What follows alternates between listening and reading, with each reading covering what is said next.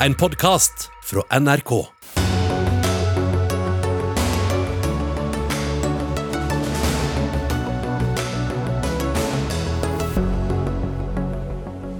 Sendte SMS og fikk det som de ville.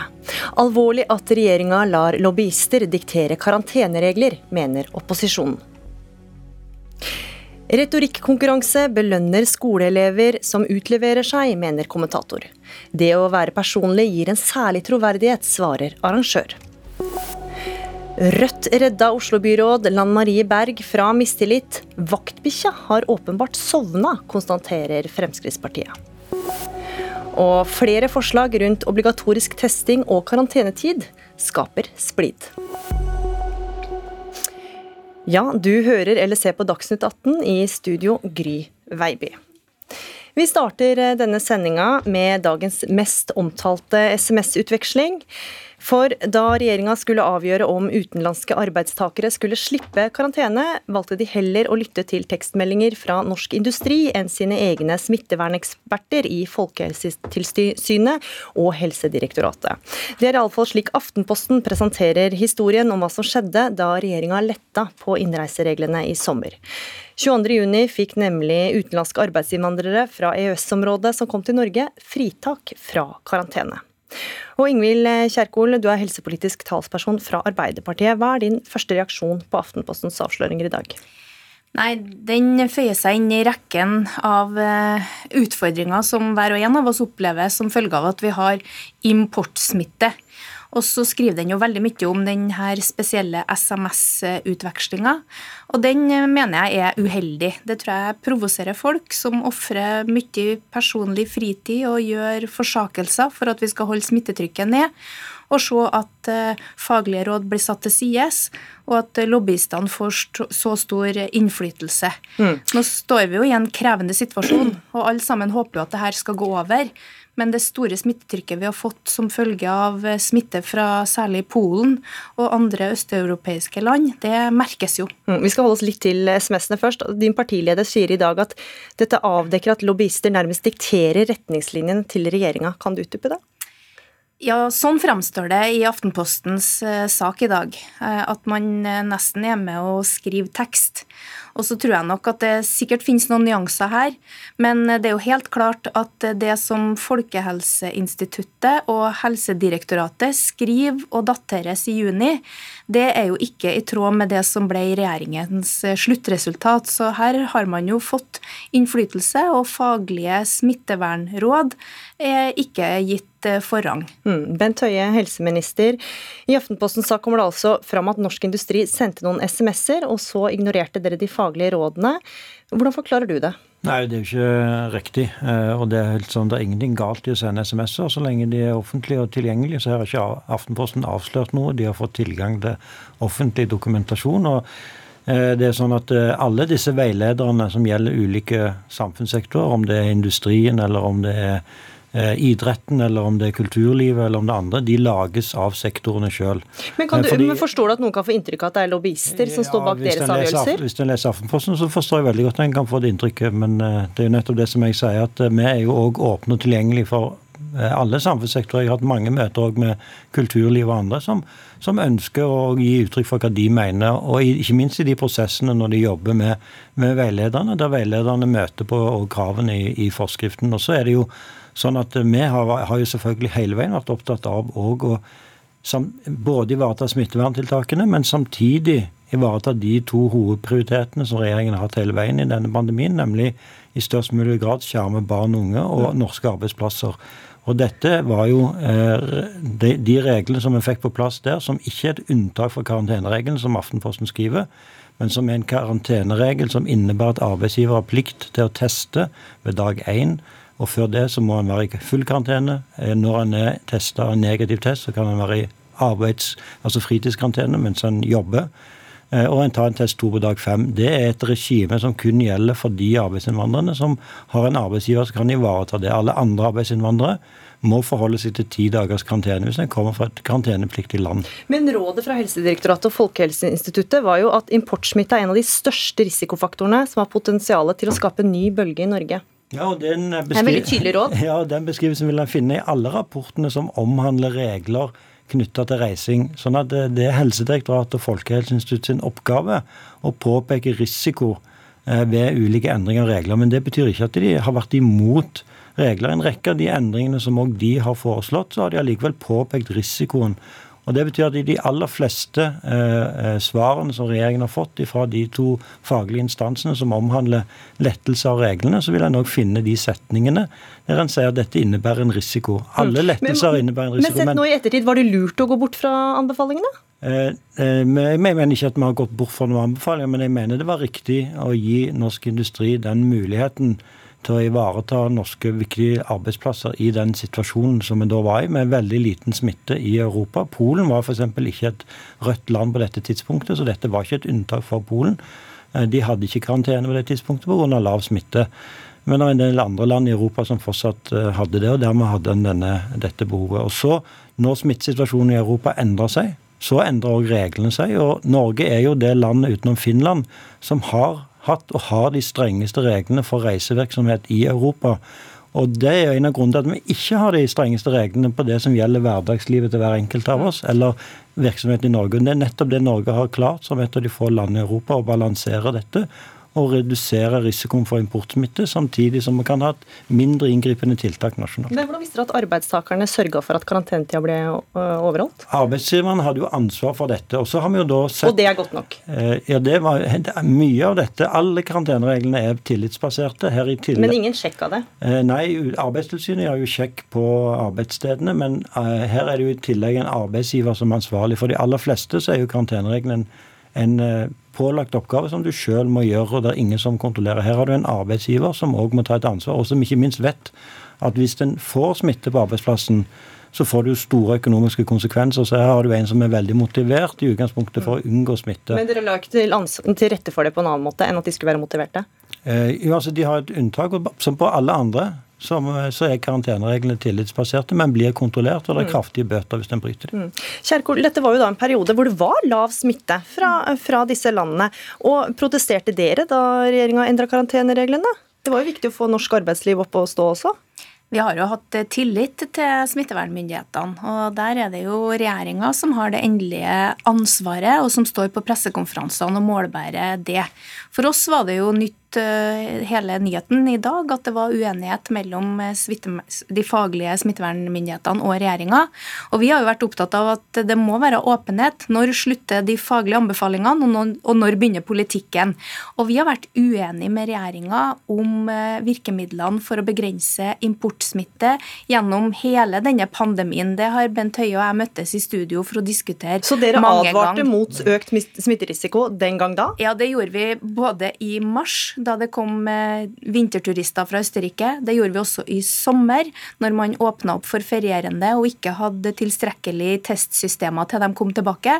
Og i høst så har vi jo sett at smittetrykket har økt voldsomt. Mm. Og vi har veldig høy smitte fra arbeidsinnvandring. Om det skyldes akkurat det her karanteneunntaket som eh, Aftenposten har avdekka en SMS-dialog knytta til, det, det får nå helseministeren svare for. Men det at vi har arbeidsreiser og så stor arbeidsinnvandring, og at reglene blir for alle, selv om du har noen seriøse, gode arbeidsgivere som tar det her på høyst alvor, det viser sårbarhet. Vi mm. har lokalsamfunn mm. som, ja, som, nesten har mm. gått på en smell mm. som følge av smitte. Høre, vi skal høre fra noen av dem. Kjell Eide, du er ordfører i Hyllestad kommune i Sogn. Eh, I en liten kommune som eh, merka hvordan det påvirka dere da smitten begynte å spre seg blant utenlandske arbeidere. Eh, hvordan påvirka det utbruddet i kommunen din?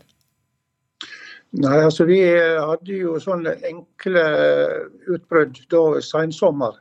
Og vi begynte å bli litt bekymra, når vi fikk liksom eh, inntrykk av at eh, de arbeiderne som kom fra, fra, utlandet, de kunne en da sette inn i arbeid uten at en var sikker på at de var smittefrie. Og Det var jo òg i en såkalt fritidskarantene på, ja, altså på fritida. Og Da ble vi noe bekymra på. Men eh, vi gjorde ikke noe med det. For det er noe med at vi stoler på regler og påbud, eller hva vi skal kalle det, som kommer fra overordna myndigheter. Det gjorde verftet, og det gjorde vi òg som, eh, som, kommune. Så vi grep ikke direkte inn antallet vi avverga de til enkle tilfeller som kom. Men så kom jo da dette store utbruddet vårt i, i slutten av september. Og da, da slår det jo skikkelig ut. Og det er jo helt sikkert at dette kommer fra, fra smitte fra utlandet. Det er ikke tvil om det. Det er ikke noen andre veier som vi har sett her. Mm. Så eh, dette ble jo da alvorlig for oss. Og, og Hvilke konsekvenser fikk det for de fastboende da, i kommunen din? Jo, eh, ikke sånn veldig direkte. For da at vi ble oppmerksom på det smitteutbruddet veldig fort og tidlig. Slik at vi klarte å slå ned. Vi fikk mistanke om at det kunne gå inn i barnehage og skole. For det var en familie som hadde en polsk tilknytning, som der først var oppdaga i. Og der eh, fikk vi stengt ned barnehage og skole og neste dag òg verftet. Slik at eh, Da slapp vi å få smitte inn i produksjonsområdet, altså verftsområdet. Og I verftsområdet der så er det altså 100 og langt over 100 som er tilknyttet eh, samfunnet rundt oss her, som ikke er utenlandske arbeidere. Og Hadde det slått inn der, så hadde vi fått det i hele samfunnet. Så vi var så tidlig ute, og jeg tror det som berga oss. Og da etterpå ble det jo da Eh, smitten eh, ble jo økende da i, eh, i det miljøet blant de arbeiderne fra utlandet. Mm. Så vi var heldige og hadde flaks. Mm. Du har kalt regjeringas politikk her for en risikosport. Hvordan da? Ja, det tror jeg det ble, slik som vi opplevde dette her. Og vi var, vi var skeptiske da før dette store utbruddet òg, mm. med de enkelttilfellene. At vi så at det her kommer det smitte inn. Og hvordan skal vi klare å avverge dette skikkelig? Og der kom skikkelig òg. Og eh, Vi kan jo si at ja, dette skulle verftene vært rigga for. Men her er altså 500 eh, ansatte innenfor verftsområdet. Av de så er ca. knapt 200 såkalte norske, og resten er utenlandske. Og når de bor i brakkerigger osv., så, videre, og så, videre, så er det veldig vanskelig. Mm. Så eh, ja. Mm, takk til deg, Kjell Eide, ordfører i Hyllestad kommune i Sogn. Bent Høie, eh, du avviser overfor Aftenposten at denne avgjørelsen har bidratt til den andre smittekilden i Norge, eh, smittebølgen i Norge. Hvilken dokumentasjon har du for det? Nei, Det er jo bl.a. de rapportene som vi har fra de utbruddene som har vært, og fra Hyllestad, at dette er jo noe som i veldig stor grad isolerte seg til de arbeidsriggene og til de arbeidsplassene som hadde unntaket. Eh, når det kom utbrudd, så isolerte han det der. Men når smittesituasjonen i Europa endra seg, så var jo bl.a. erfaringen fra Hyllestad at uh, den type utbrudd, når, risikoen for det økte som følge av økt smitte i Europa, så ble jo dette regelverket stramma strammet inn igjen. Uh, rett og slett fordi at selv om ikke smitten eller Hyllestad spredde seg ut i lokalsamfunnet, så var det jo veldig krevende for Hyllestad kommune å håndtere dette. Men det spredde seg jo i lokalsamfunnet i den form at de måtte stenge skoler og stenge barnehager. Så det hadde jo store konsekvenser. Det er helt riktig, og derfor så økte Når den risikoen for det økte som følge av smittesituasjonen i Europa endra seg, så ble jo reglene stramma inn. Mm. FHI, som vi har vært i kontakt med, sier at det ikke er noen tvil om at disse opp, eh, endringene bidrar bidro til den andre smittebølgen? Ja, det kan jeg ikke forstå hvor du har fra. fordi I FHI sin rapport som kom i forrige uke, så står jo nettopp det som jeg sier, at uh, denne type utbrudd i veldig stor grad uh, er knytta til de industriarbeidsplassene, og, og, ikke kommer ut i lokalsamfunnene. Mm. Men, men, at arbeidsinnvandring, altså det at en reiser fram og tilbake på arbeid, at det har stor betydning for Eh, for smitteøkningen. Og òg at, eh, at, eh, det er en risiko nå, det er det ingen tvil om. og Det er derfor regjeringen har stramma inn så kraftig på det mm, området. Men den oppmykninga dere hadde, hvilken den, påvirkning har det hatt? Den oppmykningen her, den handler jo da i veldig stor grad om disse arbeidsplassene. Og de utbruddene som har vært på disse industririggene, de har i liten grad bidratt til smittespredning ute i samfunnet. Vi skal ta med deg, helsedirektør i Helsedirektoratet, Bjørn Gullvåg. For det var dere som har vært med på å gi rådene til regjeringa. Og i innspillene deres 15.6 så skrev dere at importsmitte er en av de største risikofaktorene som har potensial til å skape en ny bølge i Norge. Og Sju dager etter så letta altså regjeringen på innreisereglene for utenlandsk arbeidskraft. Hva syns du om at regjeringa valgte å se bort fra deres råd? Nei, Jeg oppfatter jo ikke at de valgte eh, konsekvent å se bort fra vårt råd. Vi var i veldig tett dialog med regjeringen eh, gjennom hele denne perioden. Men de valgte en annen karanteneordning enn det som vi eh, anbefalte på det tidspunktet. Og så var det samtidig sånn at smittesituasjonen ble stadig bedre i disse ukene, og det var ingen dramatikk i det på det tidspunktet. Så har det blitt større nødvendighet utover høsten å gjøre innstramninger, og det ble også gjort for å ta ned importsmitten. Men i samme brev altså, som da beskrevet 15.6, så skriver dere at det er knyttet særlig stor grad av risiko til importsmitte? Ja, det er det. Men det er, altså en, eh, det er riktig det som statsråden sier, at det er en uttalelse som vi har i ulike sammenhenger. For når det er eh, stor ulikhet i smitteforekomst mellom to land, så vil eh, det å flytte mennesker mellom landene utgjøre en ganske stor risiko. Og Da vil det også være en del av risikoen som kommer i forbindelse med yrkesreiser. Hvor stor rolle vil du si at disse lettelsene har hatt for oppblomstring av andre runde? Jeg, jeg, tror vi skal være forsiktige med å fastslå uh, hvor, stor hvor, store de effektene er, og jeg vil nok henvise der til instituttet. Men jeg vil si at, uh, at uh, ut ifra det vi vet om smitteoppblomstringen nå i høst, så er den veldig sammensatt. Og det er veldig mange faktorer som bidrar. yrkesreiser er sikkert en av dem. Men i hvor stor grad det er Eh, har vært driver her, det er jeg nok uh, usikker på. Uh, men det, at det har hatt effekt, det er helt sikkert. Mm. Kjerkol, partileder Støre, sier at han mener arbeidsplasser har gått på tapt pga. dette. Hvordan da? Nei, Vi har jo så strenge smitteverntiltak f.eks. i denne byen at det er jo folk som går permittert pga. det. Og noen av de arbeidsplassene som er stengt nå, vil jo ikke åpne igjen. Så det er vel det partilederen min sikter til, mm. vil jeg tro. Eh, vi mener jo at vi må gjøre mer for å hindre importsmitte. Det forstår jeg at vi skal diskutere senere i sendinga òg. Eh, det er jo sånn i dag at eh, fire av fem går forbi teststasjonen på Gardermoen. Og Folkehelseinstituttet hadde også en undersøkelse i september som viste at bare 40 overholder mm. karantenereglene. Den, dette viruset har jo kommet fra utlandet. Og vi visste at det kom til å kunne være fare for en bølge to til høsten. Det burde man ha planlagt eh, bedre for, eh, og det tror jeg man burde hatt litt mer ydmykhet i forhold til. Vi er her for å diskutere hvordan vi best kan beskytte Norges befolkning i en sånn situasjon, og legge minst mulig begrensninger på det normale livet her, som også fører til helseskade og arbeidsledighet og andre eh, helsekriser. Så det, mm. det, bør man gjøre mer for. Mm. Høie, sett i ettertid nå, når man eh, i hvert fall kan se litt eh, tilbake, var det noe dere skulle gjort annerledes den gang? Det kommer helt sikkert til å være ting vi kan se på. I akkurat denne situasjonen, da. Men akkurat denne lettelsen, mm. der mener jeg var helt nødvendig. Og det var mange viktige arbeidsplasser i Norge som hadde gått tapt hvis vi hadde fulgt Arbeiderpartiet sin, sin linje. Eh, og det hadde ikke hjulpet på den situasjonen som er i nå.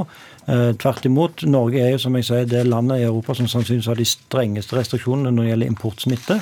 Og Det gjør jo òg at vi har hatt en bølge to i Norge som har vært betydelig lavere enn i andre land. Men Var det klokt å åpne opp så tidlig? Og ikke minst så har vi òg hatt et tiltaksnivå nasjonalt som har vært mye lavere enn det som har vært nødvendig i de landene som har fulgt en annen linje, og der vi måttet innført mye strengere retningslinjer nasjonalt, som har gått enda hardere utover deres arbeidsliv. Men var det klokt å åpne opp så tidlig?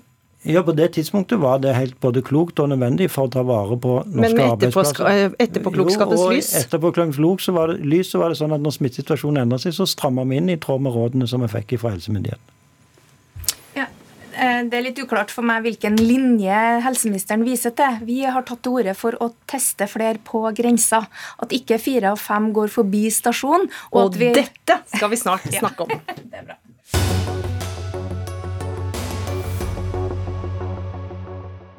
Du, eh, Ingvild Kjerkol, eh, foregrep eh, neste innslag, som faktisk skal handle om obligatorisk testing. For fra åpne grenser til obligatorisk testing ved grensene. Som følge av smitten som har kommet via utlandet og inn til Norge, har det kommet flere forslag til hvordan dette skal gjennomføres. Mange tar til orde for obligatorisk testing med kortere karantenetid, obligatorisk testing med karantene og sånn fortsetter det. Og I dag var det debatt på Stortinget om dette. Og Åshild Brun Gundersen, du er medlem av helse- og omsorgskomiteen for Frp på Stortinget. I dag er det altså valgfritt om man eh, vil teste seg. Dere vil ha obligatorisk testing. Hvordan skal det foregå? Ja, er det ikke ganske rart at man skal ha rettigheter til å ta med seg en korona, en smittsom sykdom, inn til landet uten at de norske myndighetene stiller noen krav til det? Vi i Fremskrittspartiet reagerer veldig på det, at det er nærmest fri flyt å ta med seg denne smitten inn til Norge. Og Det mest effektive tiltaket for å stoppe det, er jo å eh, ha en obligatorisk testing av korona ved grensa for absolutt alle. I dag så er det riktignok noen som har en karanteneplikt når de kommer til Norge, men unntakene er såpass store at det skaper utfordringer i det norske næringslivet men også i det norske helsevesenet. Mm, og Hvordan skal dette håndheves? da? Hva med dem som sier nei, må de snu og reise tilbake igjen? Eh, vi er nødt til å håndheve hvis noen skulle si nei. Et alternativ til det er jo å, bruke karantenehotellene som er etablert fra før av i dag. Men jeg vil også påpeke disse unntakene som gjelder både fra testregimet og karanteneplikten som gjelder i dag, særlig blant helsepersonell. De har altså full mulighet til både å omgå karanteneplikten og testplikten for å jobbe i norsk helsevesen. Det eneste de trenger, er en dokumentasjon fra arbeidsgiver om at det er samfunnskritisk helsepersonell. Og I sommer så, så vi hvordan det førte til i norske helsevesenet hvor eh, svenske arbeidere kom inn over våre grenser fra et land med ganske høyt smittetrykk i forhold til Norge, fikk lov å jobbe ved norske sykehus og fikk påvist koronasykdommen mm. etter hvert. Og store avdelinger ved norske sykehus var nødt til å stenge ned fordi man hadde disse unntaksbestemmelsene, og det kan man unngå hvis obligatorisk testing obligatorisk gjelder for alle. Obligatorisk testing, og så vil dere også ha karantenefritak dersom man tester negativt på to tester. Hvem skal være ansvarlig for den andre testen? For én ting er når du kommer til grensa, men test nummer to, hvem skal sørge for at du får tatt den? Altså Hvis du selv velger å ta en test nummer to og får påvist at du er negativ eh, på to tester, så er du frisk. Etter syv dager så det, bør det være like treffsikkert med to negative koronatester som ti dager med karantene. Men hvem skal stå for den siste testen? Det må være frivillig. Om du ønsker en redusert karantenetid, så kan du ta en test nummer to. Hvis den viser at du, du er negativ, så er du også frisk. og Det mener vi i Fremskrittspartiet er unødvendig å ha friske folk i en unødvendig lang karantenetid. Mm. Bent Høie, helse- og omsorgsminister fra Høyre, fortsatt. Dere ønsker altså ikke å innføre obligatorisk eh, testing ved grensa. Hvorfor ikke? Nei, Til nå så har vi ment at det ikke er et, eh, et, eh, anbefalt tiltak. og Det er jo litt spesielt å høre på at en her fra Fremskrittspartiet mener at dette er det mest effektive tiltaket, når det er ingen F.eks. har aldri Helsedirektoratet anbefalt dette tiltaket, så det er litt overraskende at de våre helsemyndigheter ikke anbefaler det som Fremskrittspartiet mener er det mest effektive virkemidlet. Men det som er jo, det som er, vi har testing ved grensen. Vi har krav om negativ test når du kommer til grensen. Eh, det som er jo vurderingen, det er jo skal det være en obligatorisk testing ved grensen. Og i tilfelle hva skal da reaksjonen være hvis du ikke vil gjennomføre den testen. Eh, det er jo det som er diskusjonen. fordi at eh, det er helt greit å se på andre muligheter å kombinere testing og karantene på. Det er noe som òg har gitt helsemyndighetene oppdrag å vurdere. Og Hvis vi får ny kunnskap både om testkapasitet, testresultater og effekten av dette, så kan det være aktuelt. Men det som jeg synes er litt rart, er at en her går inn og bruker begrepet obligatorisk testing uten å klargjøre hva en faktisk mener med det. Eh, fordi Hvis det betyr at f.eks. norske statsborgere skal avvises på grensen fordi de ikke vil eh, ta en helsetest, så er det et veldig inngripende eh, tiltak. Men det at en eventuelt, når en har kunnskap om det, kan si at det å teste seg kan redusere karantenetid, det er fullt mulig, og det har vi jo bl.a. hatt når vi hadde unntaksordninger for norsk industri. For da kan du faktisk redusere karantenetida med, med inntil tre dager. Ingvild Kjerkol, helsepolitisk talsperson for Arbeiderpartiet fortsatt, og i helse- og omsorgskomiteen på Stortinget. Dere har lagt et forslag midt imellom obligatorisk testing ved viktige grenseoverganger og karantene i tråd med det helsemyndighetene sier. Men hvorfor eh, vil dere ikke ha en test nummer to? Nei, Vi har støtta det forslaget fra Fremskrittspartiet. Det stemte vi for i dag. Men vi har ikke gått i detaljene hvordan det skal utformes. Så fremma vi et eh, forslag eh, til, fordi at vi er uenige med Fremskrittspartiet om det som handler om å avkorte karantene. Vi mener at vi må ha den sikkerheten. Men hvis du har to negative tester, hvorfor, hvorfor, kan du ikke avkorte karantenen din da? Det kan vi være med og diskutere hvis vi kommer dit at det blir innført. Men nå ble jo det forslaget nedstemt i dag, så det har vi ikke noen sterke, ikke noen sterke reservasjoner mot.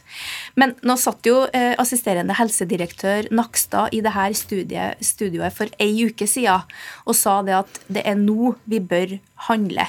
Eh, han sa at nå burde man kombinere hurtigtester med karantene for å sikre at den økninga vi nå ser i flytrafikken SAS alene setter i gang 50 nye ruter fra 15.12. til 15.1. Eh, lavprisselskapet Wizz Air har alene 80 må se i papirene mine, 84 avganger, avganger fra Polen. Så nå mm. kommer det mye folk inn og ut av landet fra land som har mye smitte. Og da er det et, en gåte for meg at ikke regjeringa gjør mer. Det er klart, eh, testing alene vil ikke være godt nok. Men karantene alene er heller ikke godt nok. Hvis man har en kombinasjon av begge deler, og helseministeren sier jo veldig tydelig at han ikke har noe prestisje knytta til det her, og da mener jeg at han burde ha latt fagfolkene sine vurdert om vi kan tette hullene mer effektivt, sånn at de store forsakelsene folk flest gjør nå, med å ha eh, begrensa antall på minnesamvær til sine nærmeste, mm. med at arbeidsplassene mm. er usikre, mm. at det faktisk skal være verdt det, og at vi ikke får en tredje smittebølge i januar. Dobbelt opp høye? Ja, og det er derfor vi har eh, bedt helsemyndigheten vår vurdere dette. Men det som overrasker meg, er at Arbeiderpartiet vil konkludere før de har fått vurdert det. Det er det som er jo det spesielle i denne saken. Og eh, sånn at, sånn at det, så det, men, og Når det gjelder ytterligere tiltak for å redusere importsmitten, så ble jo de lansert uh, i går. Uh, basert på de rådene som vi har fått fra bl.a. Espen Nakstad og andre. Fordi regjeringen var forut for denne problemstillingen og har gitt dette oppdraget. Og Det som vi gjør som følge av det, det er at vi gå ut med mer offensiv informasjonstiltak mot de som reiser til utlandet. Eh, for å være veldig tydelig på at en har karanteneplikt, at en kan bli straffa hvis en ikke følger den. Vi etablerer fra 1.1 et register som gjør at alle som skal reise inn ut av Norge, på forhånd må registrere seg hvor de skal være i karantene. Øke kontrollvirksomheten for Arbeidstilsynet på alle som er arbeidsinnvandrere som skal være i karantene. Og så vil vi få en full gjennomgang av hele testregimet sett opp mot karantenereglene. Fordi nå har vi fått godkjente hurtigtester. Det gjør at vi har en annen testkapasitet.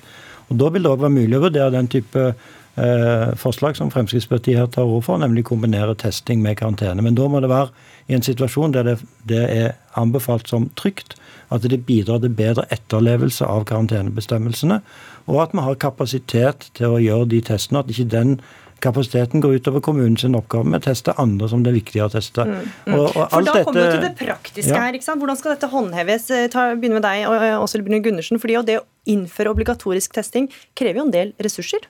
Ja, det gjør det. Men eh, det hele koronapandemien krever en del ressurser. Det viktigste for oss er å slå ned smittetrykket som har kommet nå, og sørge for at folk flest får hverdagen sin tilbake fortest mulig.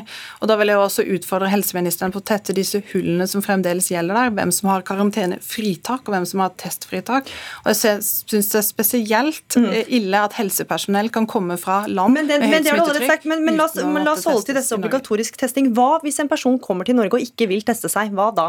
Altså, det vi har diskutert i Stortinget og fremmet forslag om, er å be regjeringa lage en plan på dette. Vi skal jo selvfølgelig involvere fagmyndighetene i hvordan dette skal utformes, men det var viktig for oss å signalisere at vi ønsker en obligatorisk testing. Vi ønsker altså ikke importsmitte til Norge. Så dere har ikke noe svar på hva man skal gjøre da hvis man ikke vil teste seg ved grensa? Altså, vi, vi, har jo andre problemstillinger som vi har diskutert tidligere i forhold til tuberkulose og meslinger f.eks., hvor Fremskrittspartiet mener at man skal, eh, man skal teste seg og man skal vaksineres hvis man kommer til Norge.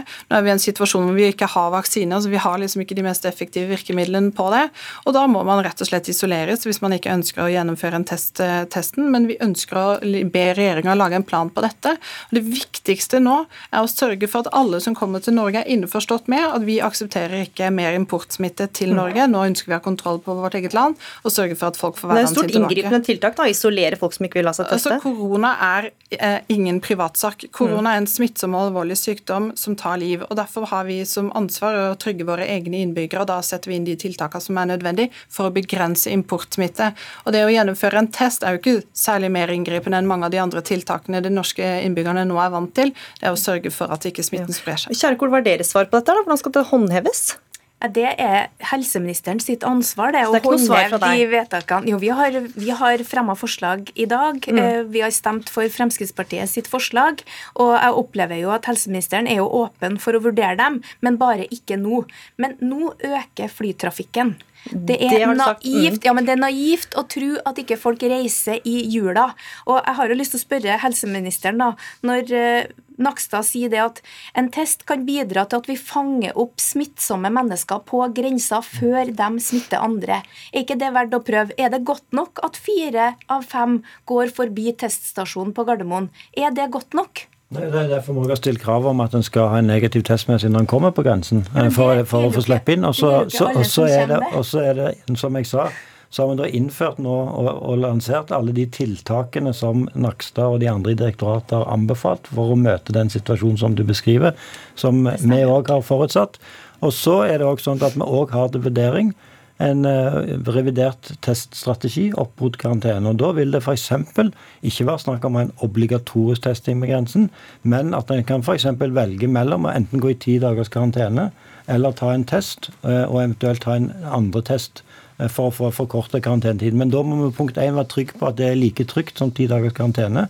Og så må vi være trygge på at de som skal gjennomføre testene, har kapasitet til det. Dette blir nå vurdert, og hvis vi får den type anbefalinger, så mener jeg at dette kan være en god løsning. Men vi må ha en faglig vurdering av det først. Vi kan ikke bare hoppe på den type forslag. Og når vi har hørt dette, alle argumentene et par ganger, så tror jeg vi setter strek for denne debatten. Åshild Brun Gundersen fra Frp, Ingvild Kjerkol fra Arbeiderpartiet, Bent Høie fra Høyre, helseminister.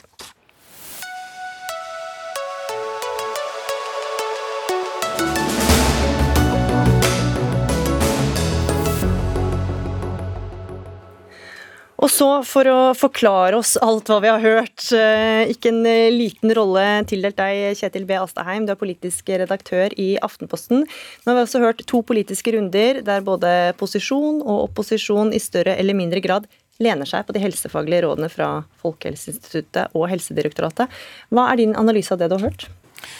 Det, det, er jo, det, er jo, interessant der eh, i den første runden om uh, dette med utenlandske arbeidstakere, så får jo da Bent Høie kritikk for å ikke ha fulgt de smittevernfaglige rådene. Og i den andre så får han kritikk for å ikke gå lenger. Og, det, og, dette her er jo I Norge så er jo dette en, en, en blanding av at det er smittevernfaglige råd fra Folkehelseinstituttet og Helsedirektoratet, og så legges det politikk oppå. Eh, og i, i, i, den prosessen så kan det bli litt uklart hva som egentlig er det smittevernfaglige rådet, og hva som er politikken. Eh, sånn som i den saken som vi har skrevet om eh, SMS-saken. SMS-saken, mm. ja. Så var det jo tydelig fra, fra Folkehelseinstituttet og Helsedirektoratet at de ikke anbefalte å gi unntak fra ti dagers karantene. Og så får de jo da klare politiske signaler fra departementet om at Eh, de vil gi eh, noen eh, lettelser for industrien for å få inn arbeidskraft raskere. Og så kommer de da med justerte innspill, sånn som med å ha denne fritidskarantenen som et, Men det er jo ikke det som er utgangspunktet. Så Sånn sett blir det en sånn, De tilpasser seg de politiske signalene, sånn som de må gjøre. Og så prøver de å gi råd ut fra hva politikerne ønsker. Hva kan man gjøre for å ivareta smittevernet best mulig. Mm, og så hører vi fra opposisjonen som trekker en klar slutning mellom oppslaget i din uh, avis, som vi kaller SMS, eh, SMS-saken, og den smittebølgen vi har hatt i Norge i høst. Er det en rimelig slutning å trekke? Eh, vi hørte jo fra Bjørn Gullvåg at det, det, den smittebølgen er sammensatt av flere ting. Eh, de, eh, når det gjelder de industri, store industribedriftene, verftene, så har det jo, det har jo vært smitteutbrudd. Det er, det er registrert 77 flyvninger fra Polen og Litauen fra og med juli, der det har vært bekreftet smitte i etterkant. Men når det gjelder de, de store bedriftene, så har man ganske god oversikt over hva som er skjedd med de smittetilfellene, og at de ikke, ikke, i så veldig stor grad har gått ut i resten av samfunnet. Men så er jo det spørsmålet med resten av den arbeidsinnvandringen som, eh, som ble enklere gjennom den, eh, den, justeringen som skjedde i, i juni. Og det har man jo ikke like god oversikt over. Så det blir den ene debatten. Og så blir det spørsmålet, når, når regjeringen da valgte å myke opp på den måten, hvor var de kompenserende tiltakene for å prøve å, å altså Importsmitte var de jo enige om at dette kunne bli et problem. Hva gjorde regjeringen for å, å forebygge at dette, siden de slapp opp på en måte, eh, forebygge at det ble et problem? Den, for den, den eh, teststasjonen på Gardermoen var jo ikke på plass før 13.8. Mm. I denne saken som dere skriver om i dag, så hører vi da en SMS-utveksling mellom Norsk Industri og statssekretæren i Helsedepartementet. Og i en av SMS-ene så skriver statssekretær Erlandsen at hun gjerne vil vite om Norsk Industri er fornøyd med det departementet jobber med. Hvor oppsiktsvekkende mener du at denne SMS-kontakten er? Den er jo veldig, veldig, tett og veldig direkte, og nærmest som om norsk industri kan bestille eh, det, de løsningene de vil ha. Helt vanlig, sier Bent Høie, at vi har kontakt sånn. Ja, og det at de har kontakt er jo helt vanlig. og det, var jo, Dette så vi også med Hurtigruten, der det var veldig tett kontakt mellom eh, Helsedepartementet og Hurtigruten for å legge til rette for at de kunne begynne med cruise langs norskekysten, og så gikk jo det veldig galt med stort, eh, stort, stort smitteutbrudd der. Og Bak der lå jo det ønsket om å få fart på økonomien igjen.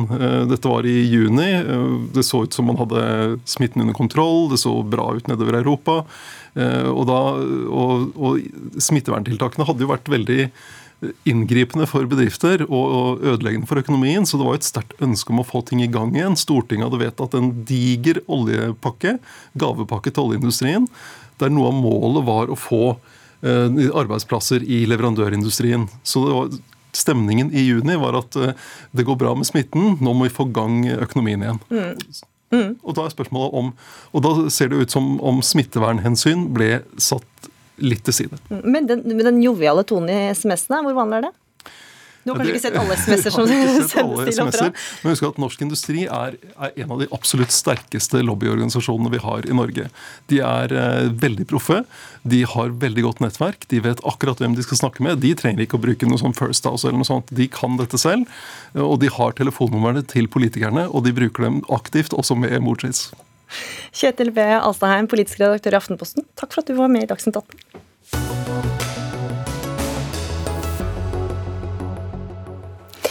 I går kveld gikk retorikkonkurransen Ta ordet av stabelen. Konkurransen inviterer elever i videregående skole rundt om i landet til å holde korte foredrag om noe som engasjerer dem. Det kan høres vel og bra ut, men den som ser nærmere på finalistene og vinnerne de siste årene, kan få en bismak i munnen. Og det skriver du, Inger Merete Hobbelstad, du er kommentator i Dagbladet, og du kaller denne eh, konkurransen problematisk. Hvorfor det?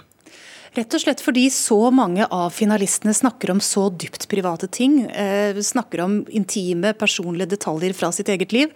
Eh, nå har jeg tatt en liten oversikt over, eh, over, konkurransen, eller finalen, da kan du si de siste fire årene. Det er seks finalister hvert år, og av de 24 så kan du si at det er 21, så, nei 26 om så kan du si at det er 21 som i større eller mindre grad tar utgangspunkt i sitt eget liv. Altså enten som case for problemstillinger de ønsker å ta opp, eller som et sentralt poeng i, i selve talen.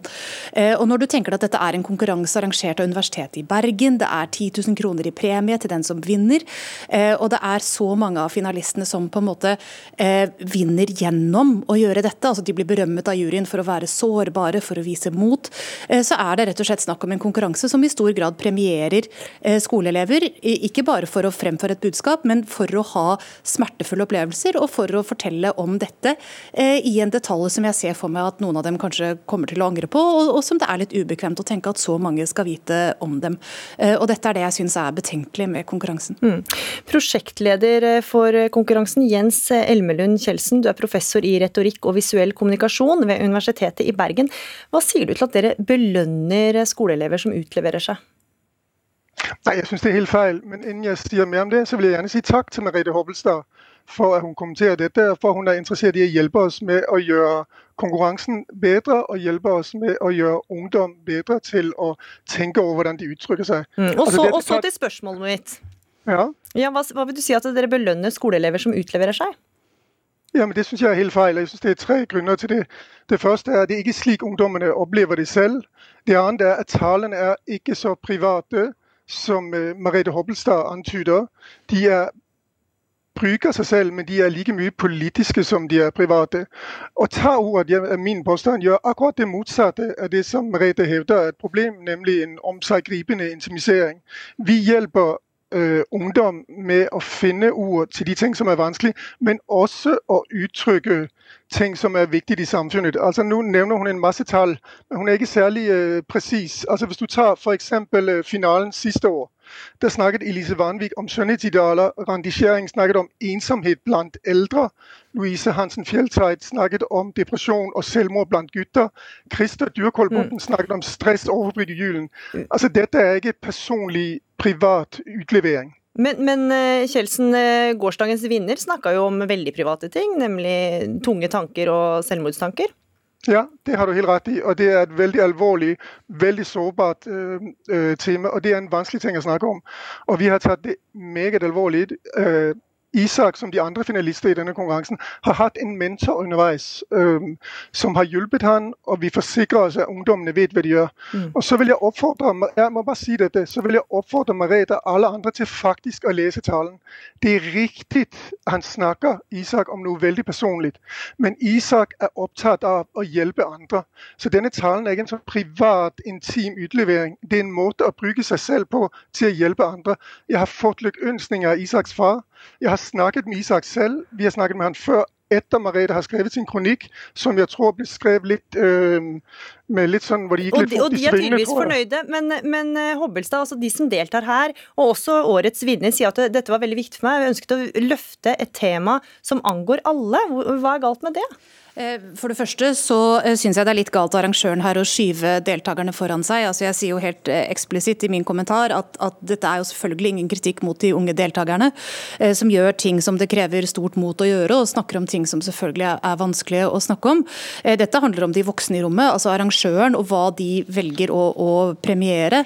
Jeg er også helt uenig i at disse talene er så lite personlige. altså Selv om de handler om større temaer, så er casene, eksemplene, følelsene som frem, er, trekkes frem er veldig ofte eh, hentet fra talernes eget liv, fra deres vennekrets, fra deres nære eh, familie. Det kan handle om deres seksualitet, om deres underliv, om deres indre demoner.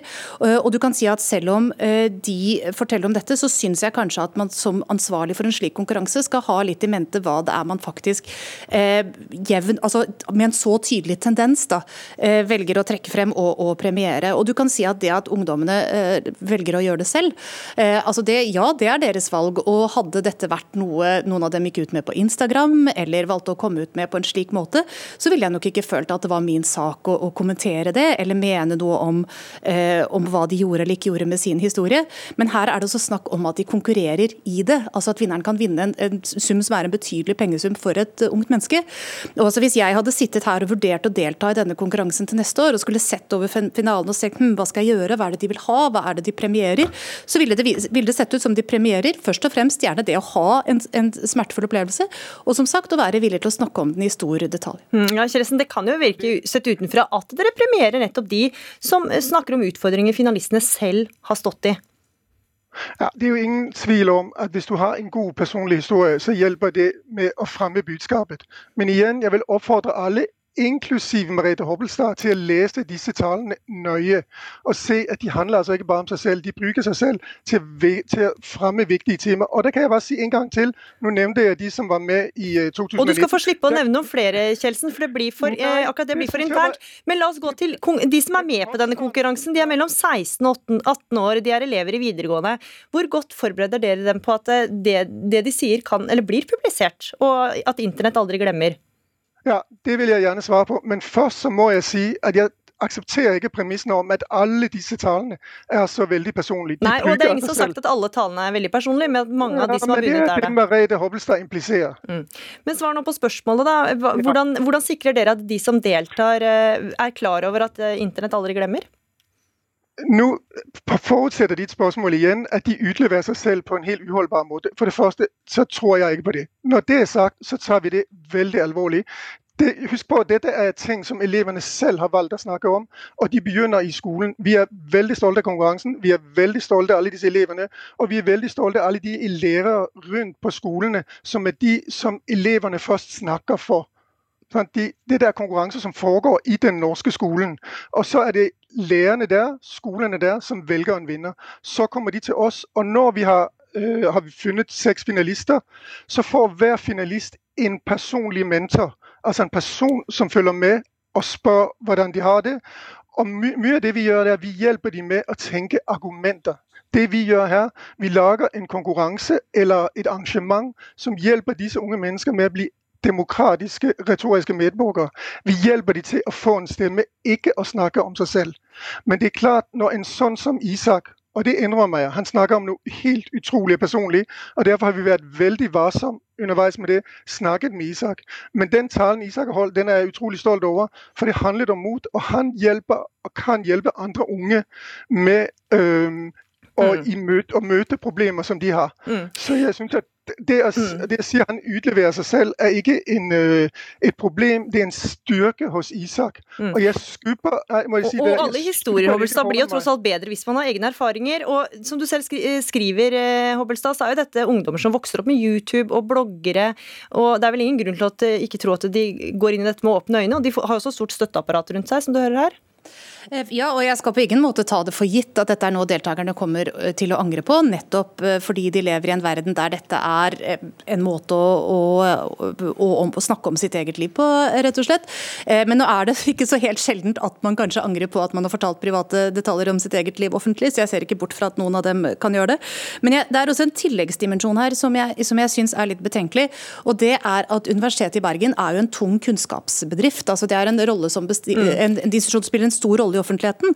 Eh, og det at man også på den måten legger til rette på at samfunnsdebatten også i større grad blir dreid mot personlige historier, som den allerede er, mm. er også eh, ikke helt uproblematisk. Altså, for det er klart det er vanskeligere å diskutere sak når en av partene som, partene som argumenterer, er så personlig og er så tungt investert. Kjelsen, du skal få svare veldig kort på det, for vår tid renner ut. Ja, Nå sa hun igjen at det er veldig personlig. Min påstand er det ikke. Og Jeg kunne godt ha nevnt veldig veldig mange flere taler. Det er tusenvis av taler, men også de i finalene. Mm. Vi har snakket om sjødeponi, Venezuela, pelsdyrnæringen. Det er ikke personlige saker. Noen av de er de, og de som er personlige, de passer vi på. Vi hjelper de, og deres taler gjør en forskjell. Dette er flotte unge folk mm. som vi ellers ikke hører fra, og de vi gjentar ordet. Og der fikk du siste ord. Jens Elmelund Kjeldsen, professor i retorikk og visuell kommunikasjon ved Universitetet i Bergen, og Inger Merete Hobbelstad, kommentator i Dagbladet. Takk for at dere var med i Dagsnytt 18.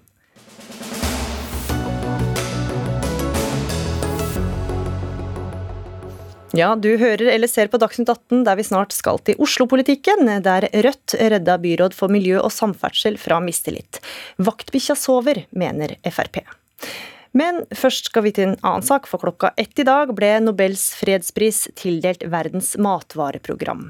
Og for første gang i historien ble prisen ikke delt ut i Norge. Pga. pandemien så ble årets overrekkelse en digital seremoni. Og europakorrespondent Simen Ekern, du er med oss fra Roma, der den spesielle fredsprisutdelinga skjedde for et par timer siden.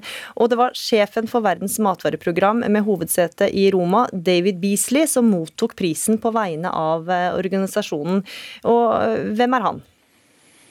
David Beasley er en eh, interessant eh, fyr. Meget energisk, pragmatisk, men også ganske god på å bruke følelser når han snakker om det temaet som han snakker om, nemlig sult i verden. En, en fyr med en voldsom drivkraft som man merker med en gang man, man, møter ham. Og en veldig profesjonell fyr også, som vet å bruke alle disse virkemidlene for å få støtte til, til eh, matvareprogrammet som han leder. Mm. Hva var begrunnelsen for at det var Verdens matvareprogram eh, som vant? Det er flere begrunnelser. Bl.a. så handler det jo om mat som en faktor i eh, konflikter, eh, og mat som en mulighet til å skape fred. Og så er det jo en erkjennelse, som også Beasley var veldig Som Beasley var inne på, en erkjennelse av at den situasjonen vi er i i dag, med eh, en pandemi som i enorm grad har ført til at et sultproblem som allerede var i ferd med å bli eh, enormt, ble enda mer eh, prekært. Så Det er det ene. Og det andre er jo også at dette da er en, et program som er en del av et multilateralt internasjonalt system som har en egenverdi i en tid der stadig flere grenser lukkes av forskjellige årsaker. Så en eh, tanke om at en slik organisasjon eh, er enda mer relevant i dag enn det eh, FN-systemet har vært eh, på mange år. At det kanskje er eh, nettopp nå det er ekstra viktig å markere en støtte til den måten å jobbe i verden på. Og så var det også en veldig spesiell eh, seremoni, kan man si, i og med at det ikke var noen storstilt fest. Hvordan var seremonien lagt opp? Nei, Den foregikk i et ganske lite studio i kjelleren på, hos eh, Verdens matvareprogram. Et stykke, godt stykke utafor eh, Roma sentrum med plass til eh, svært få mennesker. Så, så der var det lite applaus og, og, og lite pomp og prakt. Men, men, som de som så på overføringen la merke til, så var det jo på sitt vis høytidelig likevel. Og, og, de som jeg snakket med etterpå også, en av Beasleys medarbeidere, var jo også klar på at dette var annerledes, åpenbart, enn det man hadde sett for seg. Og mange av dem, Beasley inkludert, gleder seg også til muligheten til å komme til Oslo til neste år, men, men at det like fullt var en seremoni som, som ja, som passet den tiden eh, og situasjonen eh, vi lever i, og som, som eh, ikke tok noe vekk fra, fra det som Beasley og, og, og, Matvareprogrammet håper, nemlig at dette skal bli en pris som fungerer som en lyskaster, som retter verdens oppmerksomhet mot det som ifølge Beasley da i, i 2021 kan bli en sultkatastrofe av bibelske dimensjoner, eh, som han sa, hvis man ikke eh, får eh, finansiert de tiltakene i, i enda større grad som, som Matvareprogrammet eh, driver, fordi situasjonen er så prekær som den er. Mm. Europakorrespondent eh, Simen Ekern, takk for at du var med og orienterte oss om det som skjedde i dag.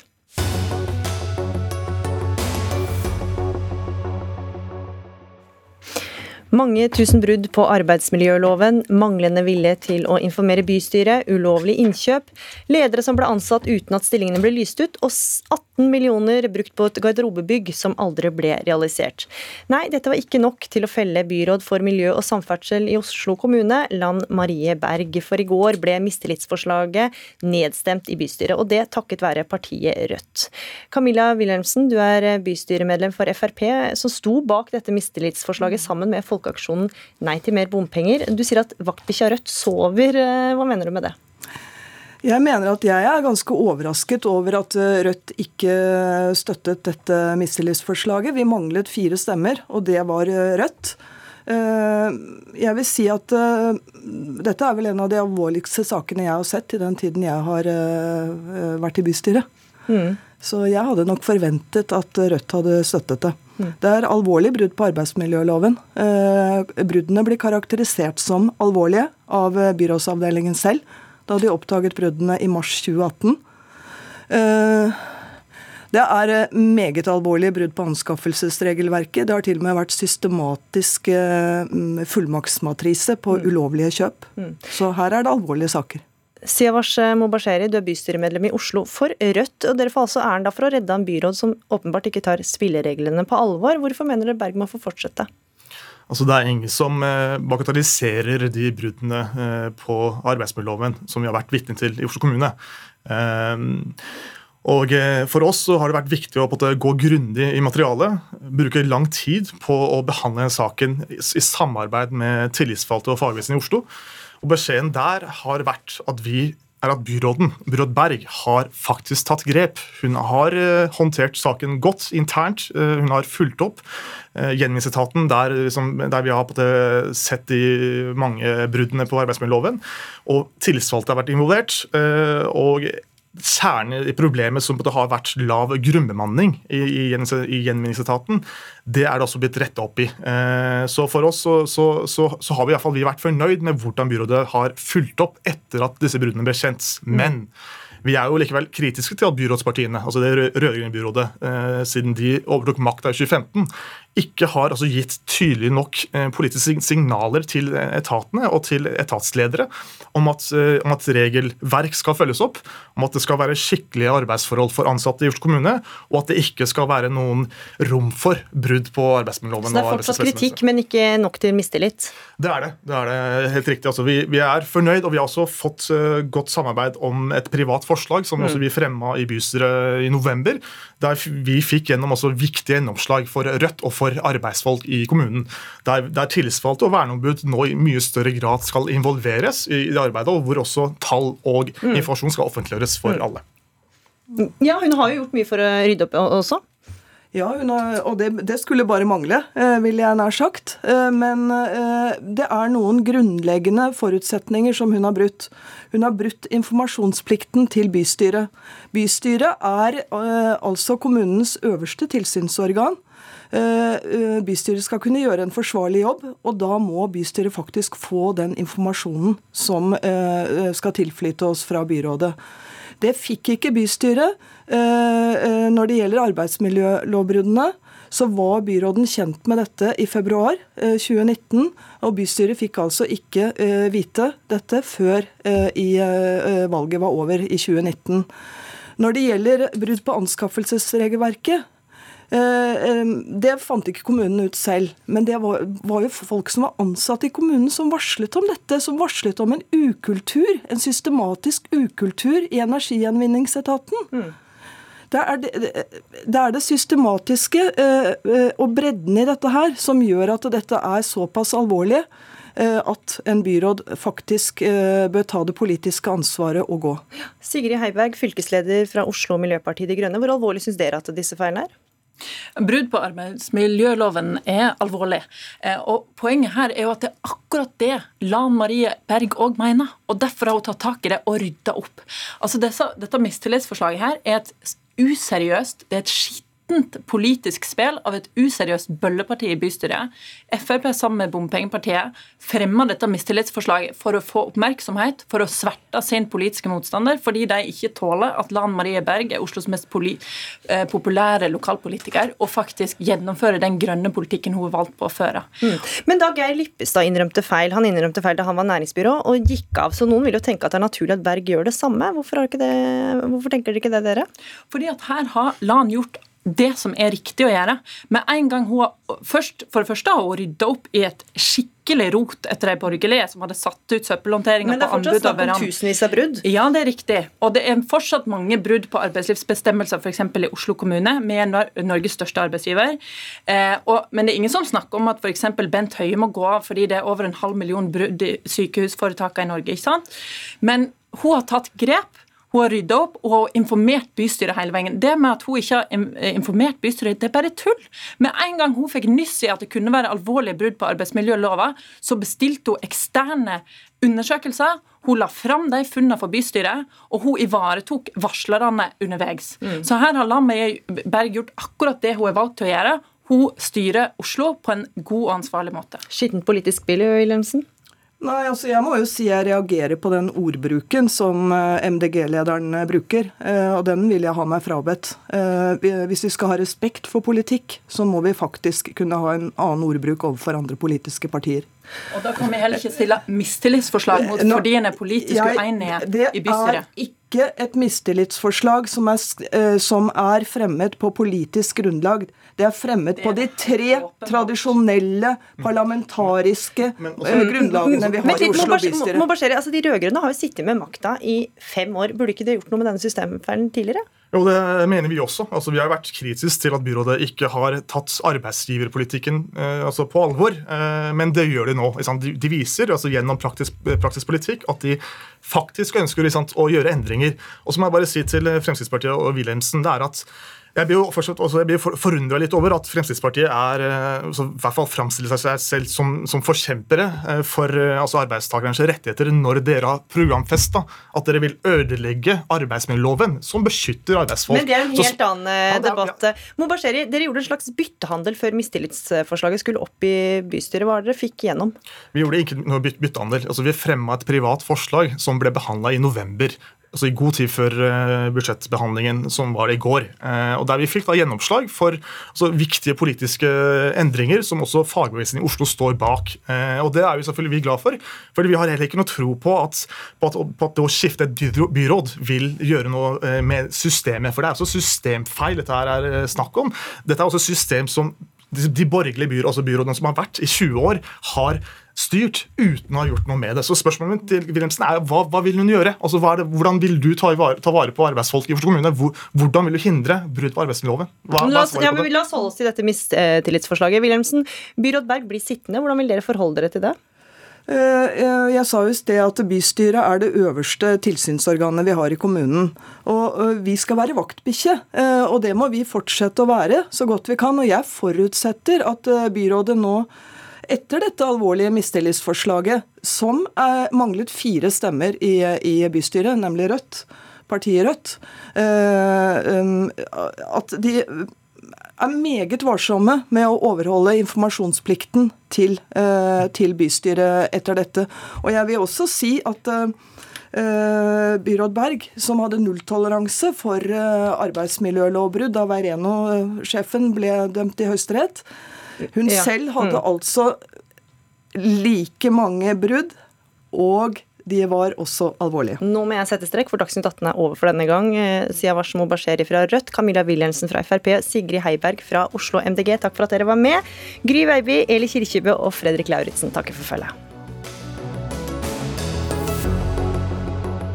Du har hørt en podkast fra NRK. Hør flere podkaster og din favorittkanal i appen NRK Radio.